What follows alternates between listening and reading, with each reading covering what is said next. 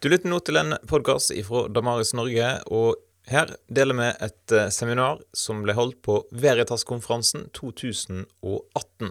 Du, Så kjekt at dere har kommet hit. Det er jo helt fantastisk. Det, jeg må først begynne å skryte av dere, for jeg syns det er litt sånn hardcore å være her nå. Halv. Før andre har stått opp. Så har dere kommet, og dagen er fullspekka med seminarer fra morgen til kveld. Og så har dere allikevel kommet hit, og det er helt fantastisk. Rebekka, hadde du giddet å lukke døra? Så, ja. Um, så uh, applaus til dere som sitter her. Um, det er gøy. Og jeg liker den holdninga. Det er om å gjøre å få med seg mest mulig. Um, men denne bibeltimen her, den har som overskrift 'Skapt til gode gjerninger'. Og så er det noen, eller noen, det var mange spørsmål under der. Eh, men så var liksom hovedunderteksten var hva er egentlig de gode gjerningene vi er skapt til? Og hvordan henger dette sammen med at vi ikke er frelst av dem? Og så har vi fått bibelteksten eh, fra Efeserne 2, 8-10. For av nåde er dere frelst ved tro. Det er ikke deres eget verk, men Guds gave. Det hviler ikke på gjerninger, for at ingen skal skryte av seg selv.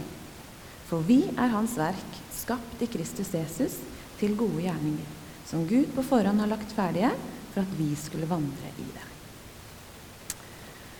Og det første jeg tenkte når jeg leste alt dette her som jeg skulle prate om, det var at oi, jeg må lære meg å sjonglere. og da tenker dere å ja, selvfølgelig. Det er jo svaret på alt sammen. Å sjonglere. um, og, og greier at det, Hvorfor tenkte jeg det at jeg måtte lære meg å sjonglere? Jo, fordi at det er en del i dette vi har fått til å snakke om i dag, som henger veldig tett sammen. Og samtidig så må det ikke blandes. Så vi må holde det liksom separat, men samtidig så skaper den en helhet og en enhet.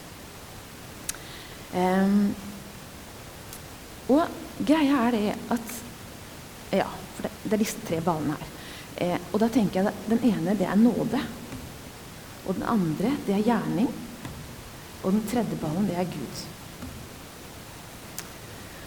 Men det eneste er at jeg lærte meg aldri å sjonglere. Dvs. Si jeg kan klare to baller.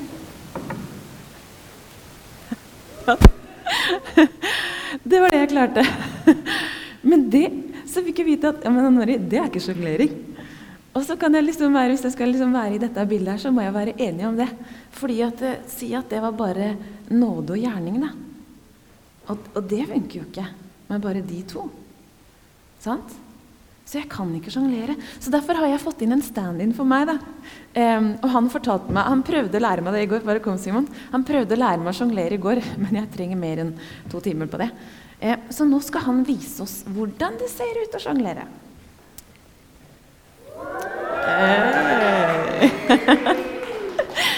Men ser dere, ser dere nå at dette, disse tre ballene de skaper en enhet? Sant? Vi er avhengig av tre baller for å få det til. Ellers er det ikke sjonglering. Sant? Funker ikke. Da er det tilbake på mitt nivå. Ikke sjonglering. Tusen takk. Det er Simon Lippert. Gi en applaus.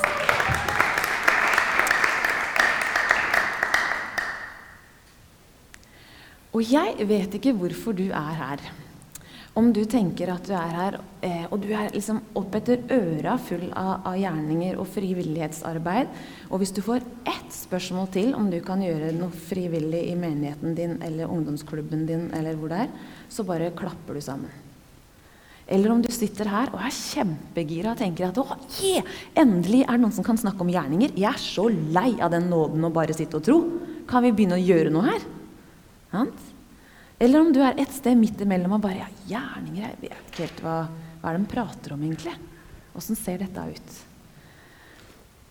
Og uansett hvor du er Vi har litt sånn ytterpunkter her.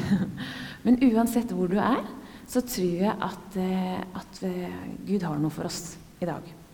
Og det er ikke fordi at jeg er noen sånn spesielt sjelesørger, eller fordi jeg er en kjempegod heiengleder, men det er fordi at jeg tror Guds ord har noe til oss.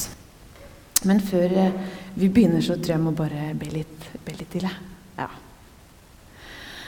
Kjære gode far, jeg bare takker deg for at du er her. Og jeg takker deg for ditt ord. Og jeg ber nå, Hellige Ånd, om at du må komme og åpenbare ditt ord for oss. La oss få se hva du hadde tenkt. La oss få se hva du, hva du mener med å gi oss denne nåden, og hva du mener med å si at vi er skapt til gode gjerninger. Eh, og la oss få se hvem du er, Herre. Jesu navn. Amen.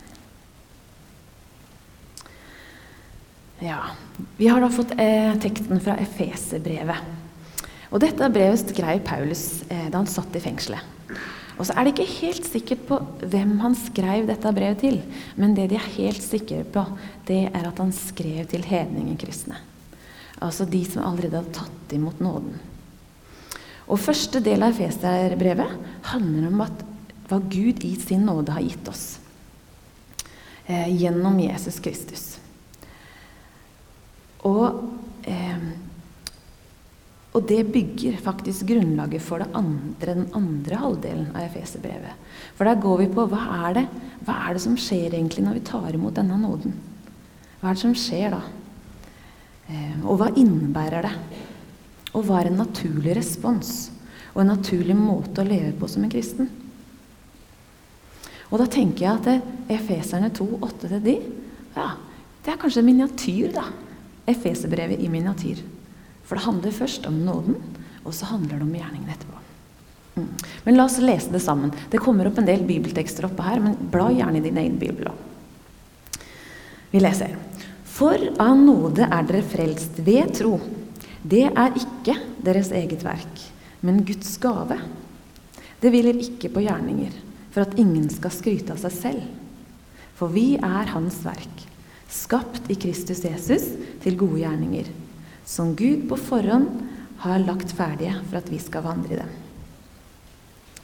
Paulus sjonglerer. Ser dere det? Han holder ballene våre i riktig rekkefølge, og det holder sammen som en helhet, en enhet. Nåde, gjerning og Gud som skaper og legger det helt til rette. Men la oss starte med den første, første ballen nåde. Ja, vi er frelst av bare nåde. Det er ingenting jeg kan gjøre, verken fra eller til. Jesus fiksa alt. Jesus døde og sto opp igjen og betalte for meg. Og dette kan jeg ta imot bare ved tro. Punktum. Jeg trenger ikke å legge noen ting til. jeg. Det var ikke sånn at Jesus glemte noe. Eller det var noe som ikke på en måte rakk innafor hans rekkevidde. Han gjorde alt fullkomment. Han tok alt. Alt er gjort. Alt er ferdig fiksa. Punktum. Og så lurer jeg på hvordan harmonerer det her egentlig med vårt samfunn? Og vår tankegang, som vi på en måte har i ryggmargen vår. For i vårt samfunn så elsker vi å gjøre oss fortjent, gjør vi ikke det? Så derfor elsker vi lister på tre, sju eller ti punkt. Sant? Bare gi meg en liste, så jeg kan begynne fra toppen og jobbe meg nedover. For et lykkeligere liv. En smalere midje. Større muskler. Bedre hukommelse. Hva det måtte være. Så fins det en eller annen merkelig liste som noen har laga. Som noen har snekra sammen. Og så tar du den lista da, på det området i livet hvor du har lyst til å ordne noe. Og så tar du den lista, og så jobber du deg gjennom. Ding, ding, ding, ding, ding. Yes! Kommer ut. Nydelig resultat. Klapper deg på skuldra. Hurra, roper, ljomer. Du snapper om det, så alle får vite om din suksess. Og så bare Ok, neste. Hvor skal jeg gå videre nå? Med min egen innsats. Jeg finner en ny liste. Og så ding, ding, ding, ding, ding, ding. Gode resultater. Her er jeg. Egen innsats. Perfekte resultater. Det er sånn vi ofte holder på, er det ikke det? Og da er det jo ikke rart at vi sliter litt med nåden. Når Jesus kommer og sier til Anne Mari Du trenger ikke gjøre noen ting, du. Jeg har fiksa alt. Bare tro at jeg har gjort det. Ta imot det. Jeg har fiksa alt. Men la oss stoppe opp og presisere litt, for, for hva er denne nåden? Hva er det vi får, og hva er det det gjør med oss? For er det bare snakk om en sånn engangsbillett altså til himmelen? Check. Der tok jeg imot den billetten, og så er jeg ferdig. Og så kan jeg bare leve livet som jeg vil. Nei, jeg tror det er mer enn det. Ja, du kan godt kalle det en engangsbillett til himmelen hvis du vil det, men det er noe mer. For det er nemlig òg tidenes kraft, tror jeg, som har potensial til å skape tidenes forvandling i og gjennom mennesker. Og Det er jo det som også er tema for konferansen forvandling. Og hør hva Titus nå sier eh, i kapittel eh, 2, vers 11-12. For Guds nåde er blitt åpenbart gjennom Jesus. Det er min tilleggelse. Til frelse for alle mennesker. Den oppdrar oss til å si nei til et ugudelig liv og verdslige lyster, og leve forstandig, rettskaffent og gudfryktig i den verden som nå er. Hm. Nåden oppdrar oss. Nåden er altså noe mer enn bare en billett. Det er en kraft til forvandling. Og det kalles på kristenspråket helliggjørelse. Som handler om at vi skal få lov til å ligne mer og mer på Jesus. Og det er pga. denne kraften at evangeliet har nådd ut. At evangeliet har nådd oss. For da se for deg de guttene som Jesus valgte ut, disiplene. Helt ordinære gutter. Du har Peter, den overivrige, hvis du kan kalle det som bare Yeah, ok! Jesus går på vannet! Yeah, jeg skal gå på vannet! Og så er han oppe på berget, og så kommer Elia og Moses og bare Oi, Jesus, jeg har en kjempeidé! Jeg bare bygger noen hytter, så kan vi bli her oppe. Sant? Han er på hele tida. Og så har du Johannes, den derre nære vennen til Jesus, som de andre disiplene. 'Johannes, gå og spør, du.' Fordi du har et litt annet forhold. Du veit liksom hva som foregår. Du skjønner deg litt mer på Jesus, kanskje. Eller så har du, så har du Thomas, som bare Nei. Når Jesus har stått opp igjen, så fikk ikke han være der når de andre disiplene møtte ham. Så sier bare nei. Jeg kan ikke tro. Jeg må ha bevis. Ganske broka forsamling. Ganske ordinære gutter som meg og deg. Og jeg vet ikke med deg, men jeg veit neimen ikke om jeg hadde valgt den gjengen. Hvis jeg skulle overrakte et så viktig oppdrag. Men Jesus valgte helt ordinære mennesker. Og da skjønner vi at det må være noe mer enn egne gjerninger. Gjør vi ikke det? Og eget, eget strev for at oppdraget skal bli fullført og bringes videre.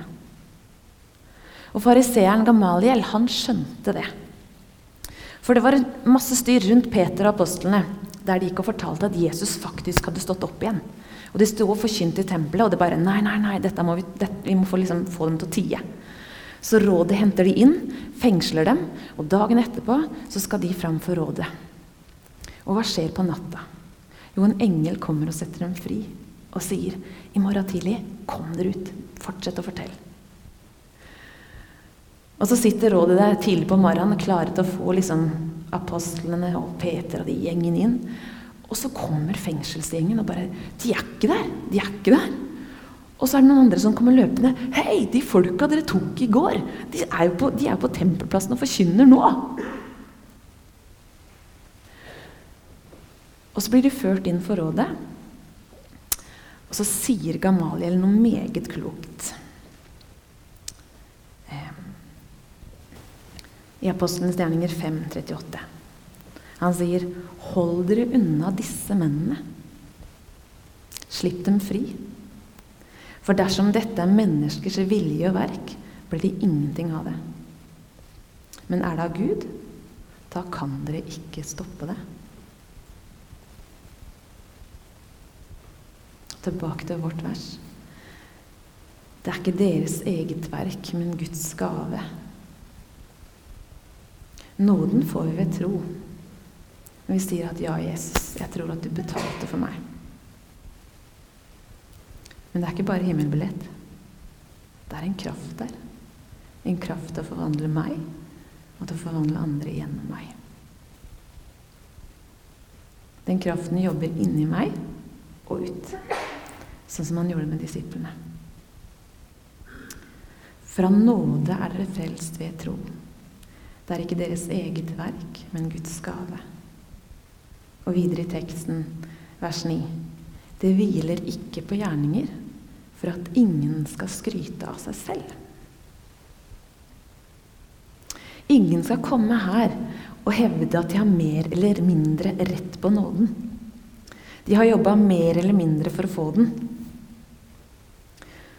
Å lage et A-lag og et B-lag, sånn som vi ofte gjør. ikke sant? Vi driver og rangerer hele tida. Men det var ikke sånn det var ment. Nåden hviler ikke på oss. Jobben er gjort. Punktum. Og det var ikke du som gjorde jobben, det var ikke jeg som gjorde jobben, men det var Jesus Kristus aleine. Og da tror jeg vi er klare for ball nummer to. Gjerningene. Hmm. Og da er det det som kommer, som kan være litt sånn forvirrende. For at vi, ja, men, Er det ikke akkurat det vi sa at vi ikke skulle ha noe med å gjøre, da? Og så kommer du plutselig og slenger på en ball med gjerninger likevel. Men hør nå hva vi leser videre, i vers 10. For hvorfor nåden ikke hviler på egne gjerninger. Det står For vi er Hans verk, skapt i Kristus Jesus til gode gjerninger, som Gud på forhånd har lagt ferdige for at vi skulle vandre i dem. Hm. Det står at alt er Hans verk. Både at Han har skapt oss, at vi får være hans barn. Og at vi får lov til å følge etter Jesus og ligne ham, herme etter ham. Alt det er Jesu verk. Har du tenkt deg noe? At det faktisk å følge etter Jesus, det er også nåde. Og det tenker jeg Tenk så fantastisk at det er det det er. Og hør hva Paulus sier i 1. Korinterne 15, 8-10. Men ved Guds nåde er jeg det jeg er, og Hans nåde mot meg har ikke vært bortkasta. For jeg har arbeidet mer enn noen av dem. Eller det vil si, ikke jeg, men Guds nåde som er med meg.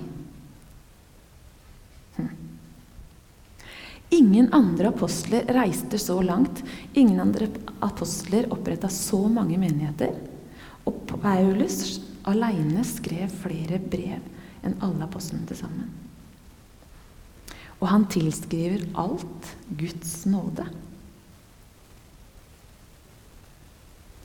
Og Filipperne 2, 13. For det er Gud som er virksom i dere så dere både vil og gjør det som er etter Guds gode vilje. Det skjønte Paulus. Alt er nåde, for alt er Guds verk alene. Ok, men hva er det vi da leser i Jakobs brev, da? Eh, om gjerninger og tro. For han legger ikke noe mellom. Han sier rett ut, han, at troen er død uten gjerninger. Troen din er død uten gjerninger. Og hvordan kan det her henge sammen, da?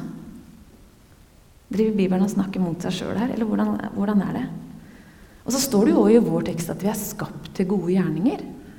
Og det står jo opptil flere ganger, mange ganger, i Bibelen at vi skal gjøre en hel del ting. Hmm. Og da må vi ta for oss denne gjerningsballen. For hva slags gjerninger er det her snakk om? Og da tenker jeg, I vår kultur så er det noe med dette med gaver. Hvis jeg gir en gave til noen, så er det på en måte eh, I vår kultur så er det sånn edelt og fint at jeg bare helt uten baktanker bare gir deg en gave. Vær så god. Håper du koser deg, nytt den. Og ikke tenk på at jeg gjerne skulle hatt den tilbake. Sant? Eller at eh, ja, hvis jeg bare fòrer en ekstra stor gave nå, så kan det hende at det drypper litt på meg tilbake. Ja? Nei, nei, nei, nei. Vi tenker at 'jeg skal bare gi en gave til deg av ren, skjær lyst'. Det er edelt og fint i vår kultur. Men eh, sånn var det ikke nødvendigvis på Paulus sin tid. For da, når en ga en gave, så var det ofte for å opprette en relasjon. Det var knyttet forventninger til en gave. Så hvis jeg ga en gave, så hadde jeg en forventning om at oi, her er det noe som skjer. Det skjer noe mellom oss. Gaven hadde et formål. Hmm. Og da kan vi tenke at ok, så gjerningene er kanskje ikke en forutsetning for gaven, men et gjensvar på gaven en har mottatt. Og vi skiller altså disse to ballene selv om de henger sammen. Nåde og gjerning. det er kjempeviktig at de skiller de. Men de henger sammen. Gjerningene er et gjensvar, en respons på gaven du har fått. Og da blir plutselig gjerninger litt annerledes. Fordi da er det en annen motivasjon bak gjerningen en gjør. En gjør ikke noe for å fortjene gaven. Den har du allerede fått. Men en gjør det i takknemlighet.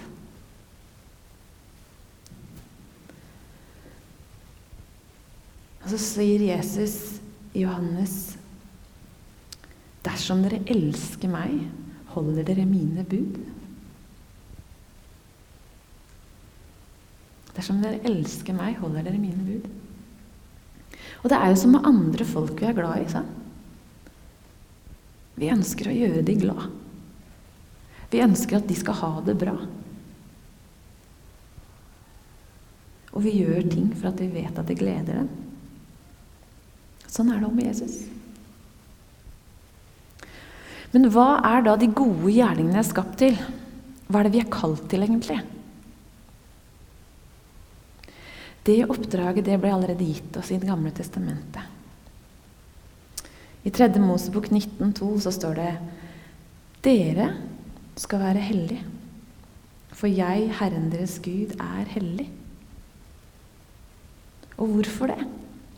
Jo, fordi de skulle gjenspeile hvem de trodde på. Folket skulle gjennom liven deres se hvem dem tilhørte. Og Isaiah 43, 21. Mitt folk som jeg har formet, skal forkynne min pris.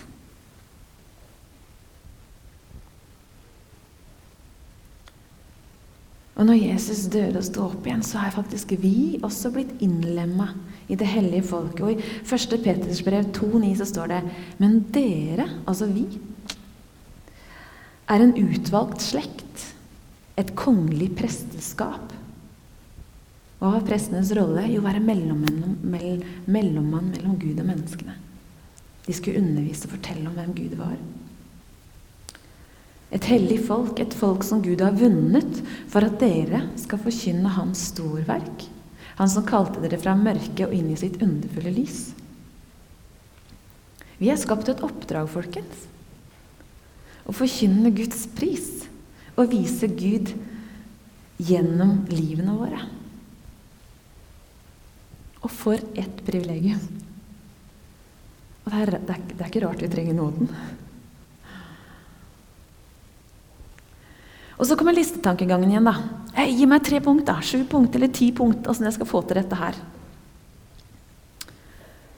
Men vet du hva, jeg kommer ikke til å gi deg noen liste. Jeg kommer til å si 'se på Jesus' og se på hans liv. For hva var det han strengt tatt gjorde?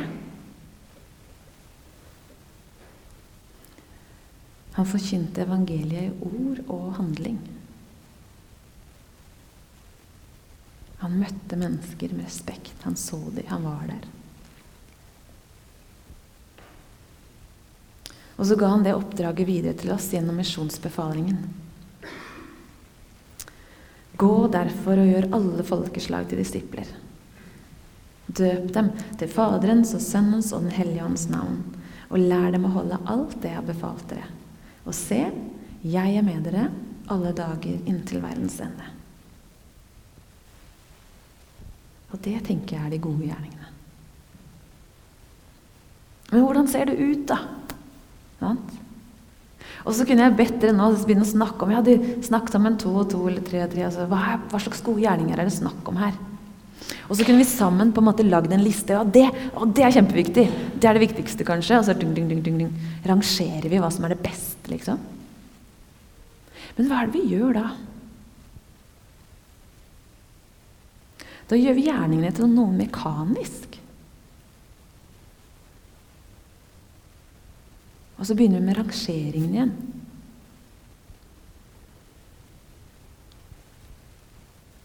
Og det var, det, det var ikke det, jeg tror det var ment at vi skulle gjøre.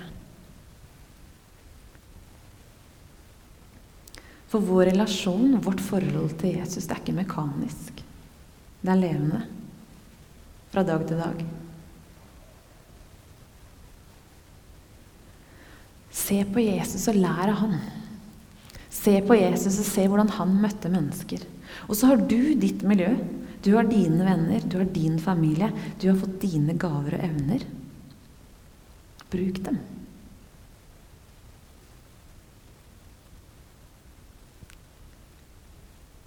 Bruk dem.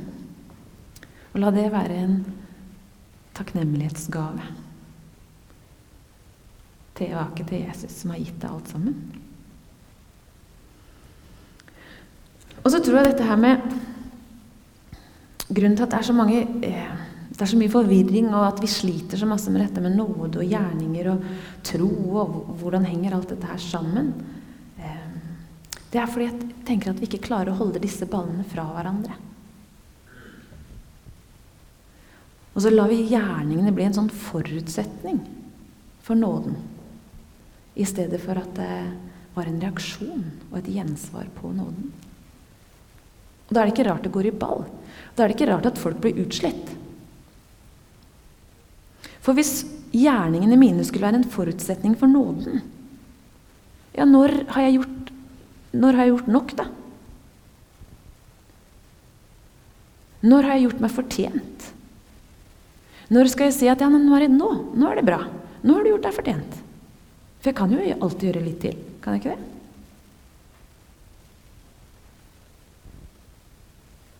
Og da er det ikke rart vi blir utslitt.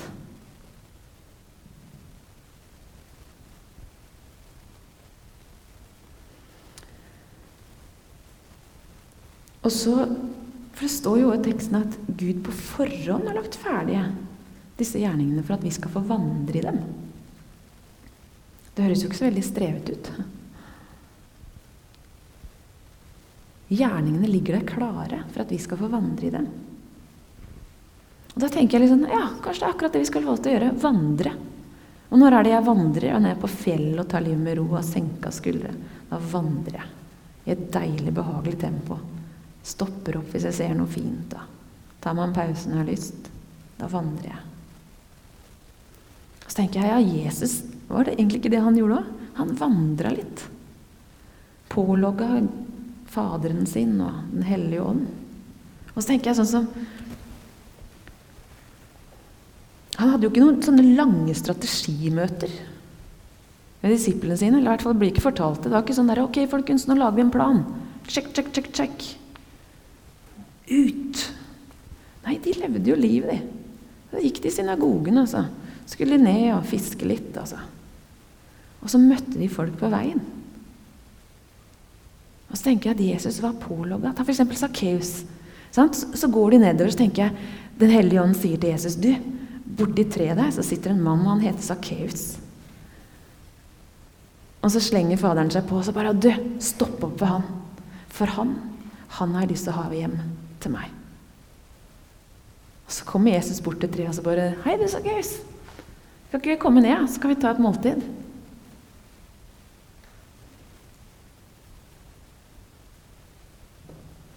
Vandre i ferdiglagte gjerninger. Og så tror jeg Det høres jo veldig idyllisk ut, men jeg tror ikke det var det. Jeg tror ikke alltid det var lett. Men det var rett.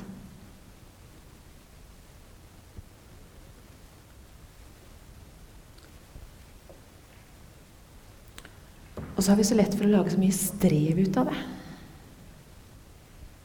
For vi har så lyst til å lage former og regler ut av alt. Ja. Men så handler det om et liv og en relasjon. Og hør bare hva Jesus sier i Matteus 11, 28-30. Kom til meg, alle dere som strever og bærer tunge byrder, og jeg vil gi dere hvile. Ta mitt åk på dere og lær av meg, for jeg er mild og ydmyk av hjerte. Så skal dere finne hvile for deres sjel. For mitt åk er godt, og min byrde lett.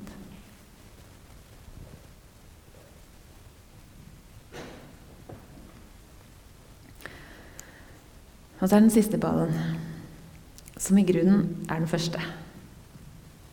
For det er her alt starter og slutter, nemlig med Gud.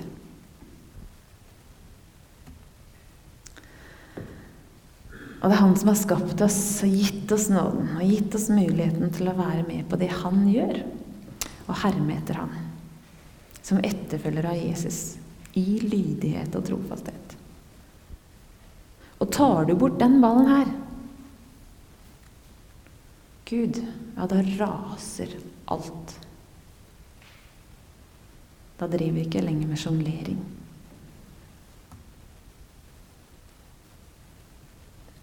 Og tar du bort en av de andre ballene, nåde eller gjerning, da blir det bare et halvt evangelium, da. Da blir det bare halvsannheter. For Gud har skapt oss til å være mer enn bare mottaker av nåden. Og han har skapt oss til mer enn å bare gjøre noe. Drive med noen gjerninger for gjerningens egen skyld.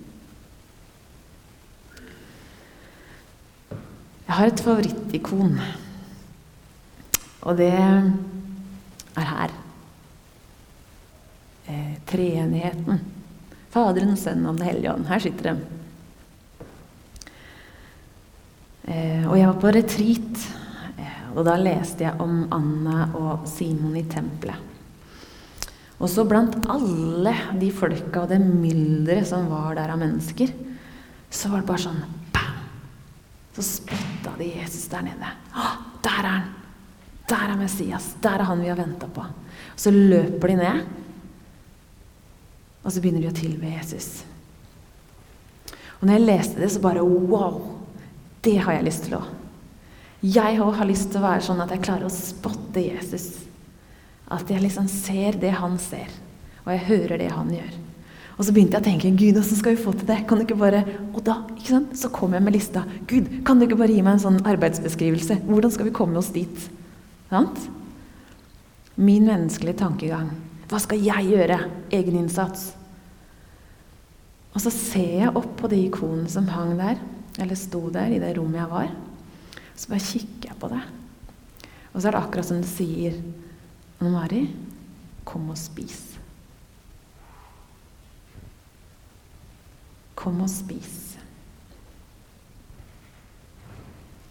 For det er nemlig her hos meg at det starter. Bare kom og ha fellesskap med oss. Så tar vi alt det andre etterpå. For det, det vil bare nemlig være en frukt, det. At du er sammen med oss. At du kommer hit. At vi forvandler deg. Og så vil resten bare være en frykt av det. Bare kom og spis.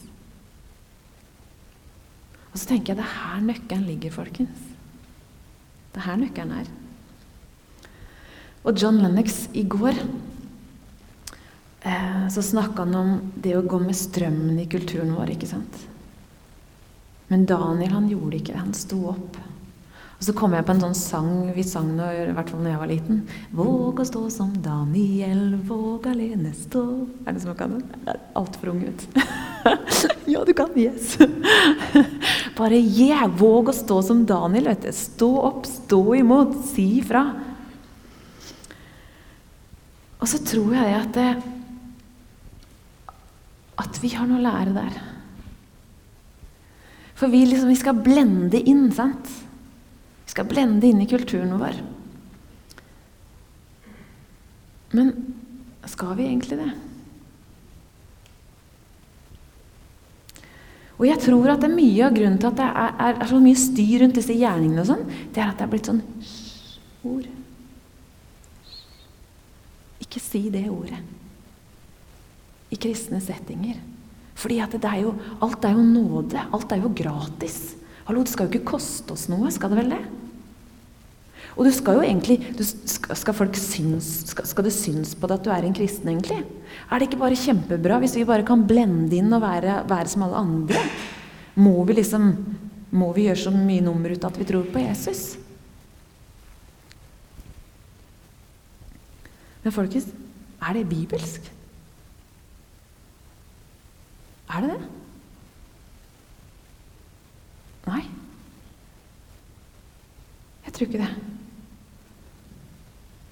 For hva er det som i alle dager gjør at det viktigste valget du tar i livet, ikke skal få konsekvenser for hvordan du lever livet ditt? Er ikke det litt sprøtt? Alle valg du tar, det får konsekvenser. Og tar du et valg og går for noe, så vil det si at du, da, da, da sier du nei til noe annet. Og hva er det som har gjort at vi har kommet i en sånn tåkedis som gjør at tror at vi liksom Nei, når vi, når vi, tar imot Jesus og ønsker å følge han, så bare blend inn og lat som ingenting. Det er en sånn privat greie som du kan ha på rommet ditt. Eller innafor husets fire vegger. Nei, det er ikke sant. Det er ikke bibelsk. Det er bare her oppe i Vesten at vi tror at, at, at troen er en privatsak. Og den kan vi holde for oss sjøl. Og jeg tror det er på tide at vi letter den tåka, kommer oss ut av den tåkeheimen. At vi slutter å si hysj om gjerninger. Og tar tilbake det ordet. Tar tilbake de gode og sunne gjerningene som vi er skapt til. Og som ligger der ferdig for at vi skal få vandre i dem. Men da er det så utrolig viktig at vi må ha det klart for oss at det hele starter hos Gud. Det er han som er vår ladestasjon. Og alle med elbil eller elsykler har det de kaller sånn rekkeviddeangst. Har dere hørt om det? Rekkeviddeangsten for at de ikke skal nå fram. 'Å nei, tom for batteri!' Og så må du sykle med en sykkel som veier 50 kilo opp den siste bakken og hjem. Og da tenker du åh, elsykkel. Jeg skulle aldri kjøpt meg elsykkel. Eller denne elbilen som bare Nei! Du kan ikke kjøre forbi en ladestasjon for du har angst for at det ikke rekker fram, selv om du kanskje vet at du gjør det. Det er sånn rekkeviddeangst man får. Men vet du, vi burde ha den gode rekkeviddeangsten, vi. Vi som tror på Jesus, vi burde ha den gode rekkeviddeangsten. Og vet du hvordan den er? Jo, den er slik at har du gått en stund uten at du har vært sammen med Jesus, så kjenner du bare Jeg må ha mer av han. Jeg må få være sammen med han. Jeg må få lov til å lese litt i Bibelen, eller bare snakke med han, eller være sammen med andre som også tror på han, og som kan løfte meg opp og fortelle meg noen sannheter om hvem han er. Vi burde ha en sånn god rekkeviddeangst. Der vi blir lada. Der vi henter oss inn igjen. Der vi får det vi trenger. For han har alt det vi trenger.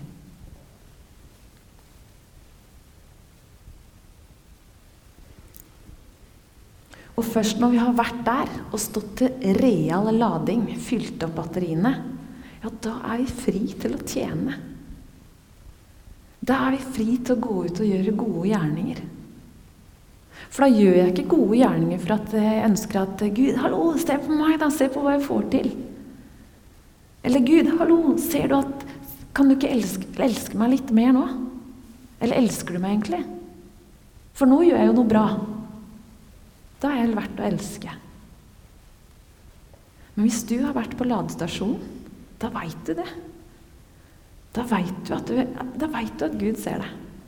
Da veit du at du er sett, at du er elska.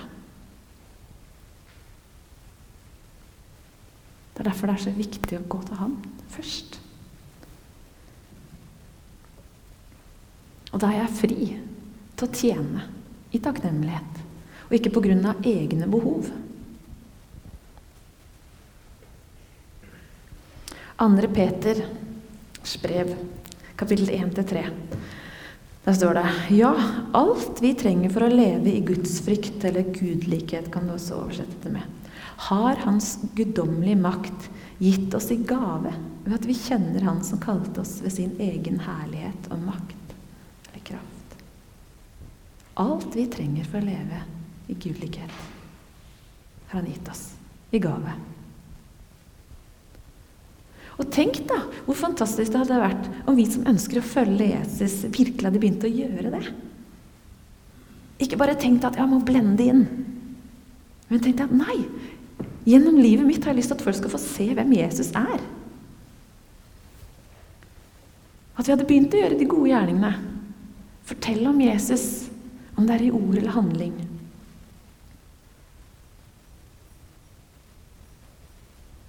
og adoptert Jesus' liv, og ikke kulturen. Du skal elske Herren din Gud av hele ditt hjerte og hele din sjel. Og et bud som er like stort. Du skal elske din neste som deg selv, sa Jesus. Da han fikk spørsmål om hvilket bud som var det største. Så tenker jeg, tenk da om bønnen Vår Far i himmelen. La ditt navn helliges. La ditt rike komme. La din vilje skje på jorden, slik som i himmelen.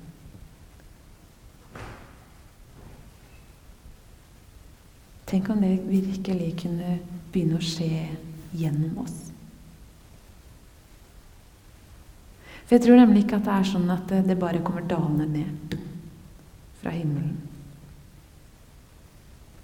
Men jeg tror det begynner å skje ved at vi som tror på Han og ønsker å ha Han som herre i livene våre, at vi begynner å gjøre det Han har kalt oss til. Og det koster. Det er fantastisk velsignelse å få lov til å være med på det.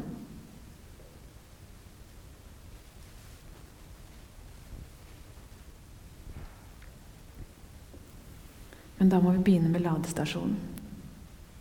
Og la oss bli forvandla og fylt opp.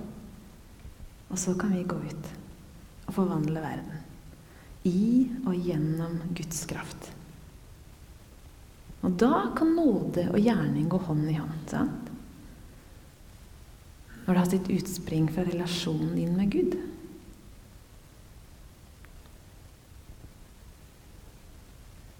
Og om du kjenner at 'Å, men jeg vet ikke om jeg orker dette her', jeg.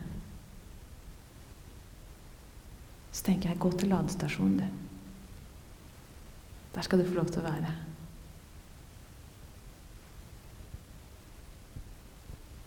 Men for de aller, aller fleste av oss så tror jeg heller kanskje at vi er overlada. At vi har sittet så lenge inne på denne ladestasjonen at vi veit ikke åssen det er å gå ut derfra.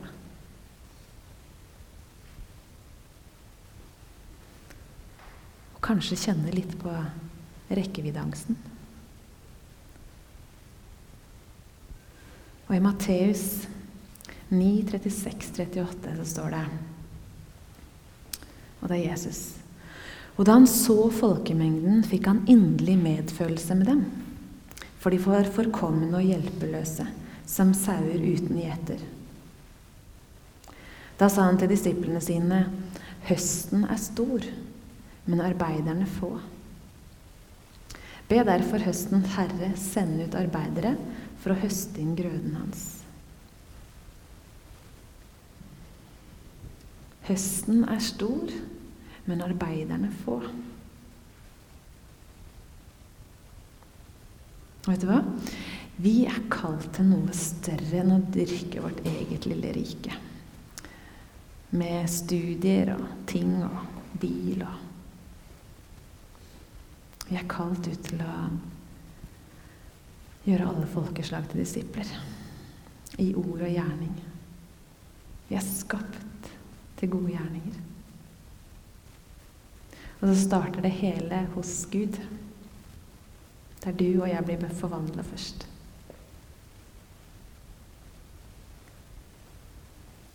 Så la oss begynne å sjonglere.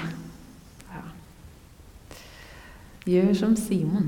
Han bruker alle tre ballene. Da kommer alt til sin rett. Men hvis vi begynner å ta ut noen av disse ballene, hvis vi tar ut en av dem, ja, da blir det ikke sjonglering. Da blir det strev og mas og jag. For vi styrer på, egen, på egen maskin. Det funker ikke. Bruk alle tre ballene og sjongler. Og gå til ladestasjonen. Der starter det. Der starter forvandlinga. Så vi kan gå ut og få være med og forvandle verden. Og det her det var viktig å si, det her er jo ikke noe sånn der Check, nå skjønte jeg det. Da kan jeg gå videre. Nei. Jeg er jo dobbelt så gammel som mange av dere. Og jeg øver fortsatt, jeg. Ja. Jeg driver fortsatt og prøver å sjonglere med tre baller, og plops, der forsvant den ene ut. Ja da, men jeg står på med to baller, og av og til bare én ball. Og så plutselig bare Hvorfor ble dette så himla tungt? Å ja, jeg har bare én ball. Ok, da var det på tide å plukke dem opp igjen. Sant? Så tar det et helt liv å holde på med dette her. Mm. Men eh, vi trenger å minne hverandre på det. Og de versene her de er helt fantastiske. Du blir aldri ferdig med Efeserne 2, 8-10. Så fortsett å suge på det bibelverset som en sånn karamell, sånn favorittkaramell som du ikke vil at skal forsvinne. Um, mm. Og gå eh, med frimodighet og glede ut i dette livet der Gud har satt deg, eh, til å gjøre gode gjerninger skal vi be. Kjære gode far. Eh, takk for at du er det. En god far. Eh, som ser oss, og som elsker oss. Og takk for nåden. Takk for at den eh, er noe vi bare kan få lov til å ta imot ved tro. Takk for at du har gjort alt, at vi ikke trenger å gjøre noe for å fortjene det. Og takk, Herre Far, for at vi kan få lov til å gå ut i takknemlighet og gjøre gode gjerninger som et uh, gjensvar på den gaven vi har fått av deg. Og hjelp oss, Herre, til å, å klare å sjonglere med alle tre ballene. I Jesu navn. Amen.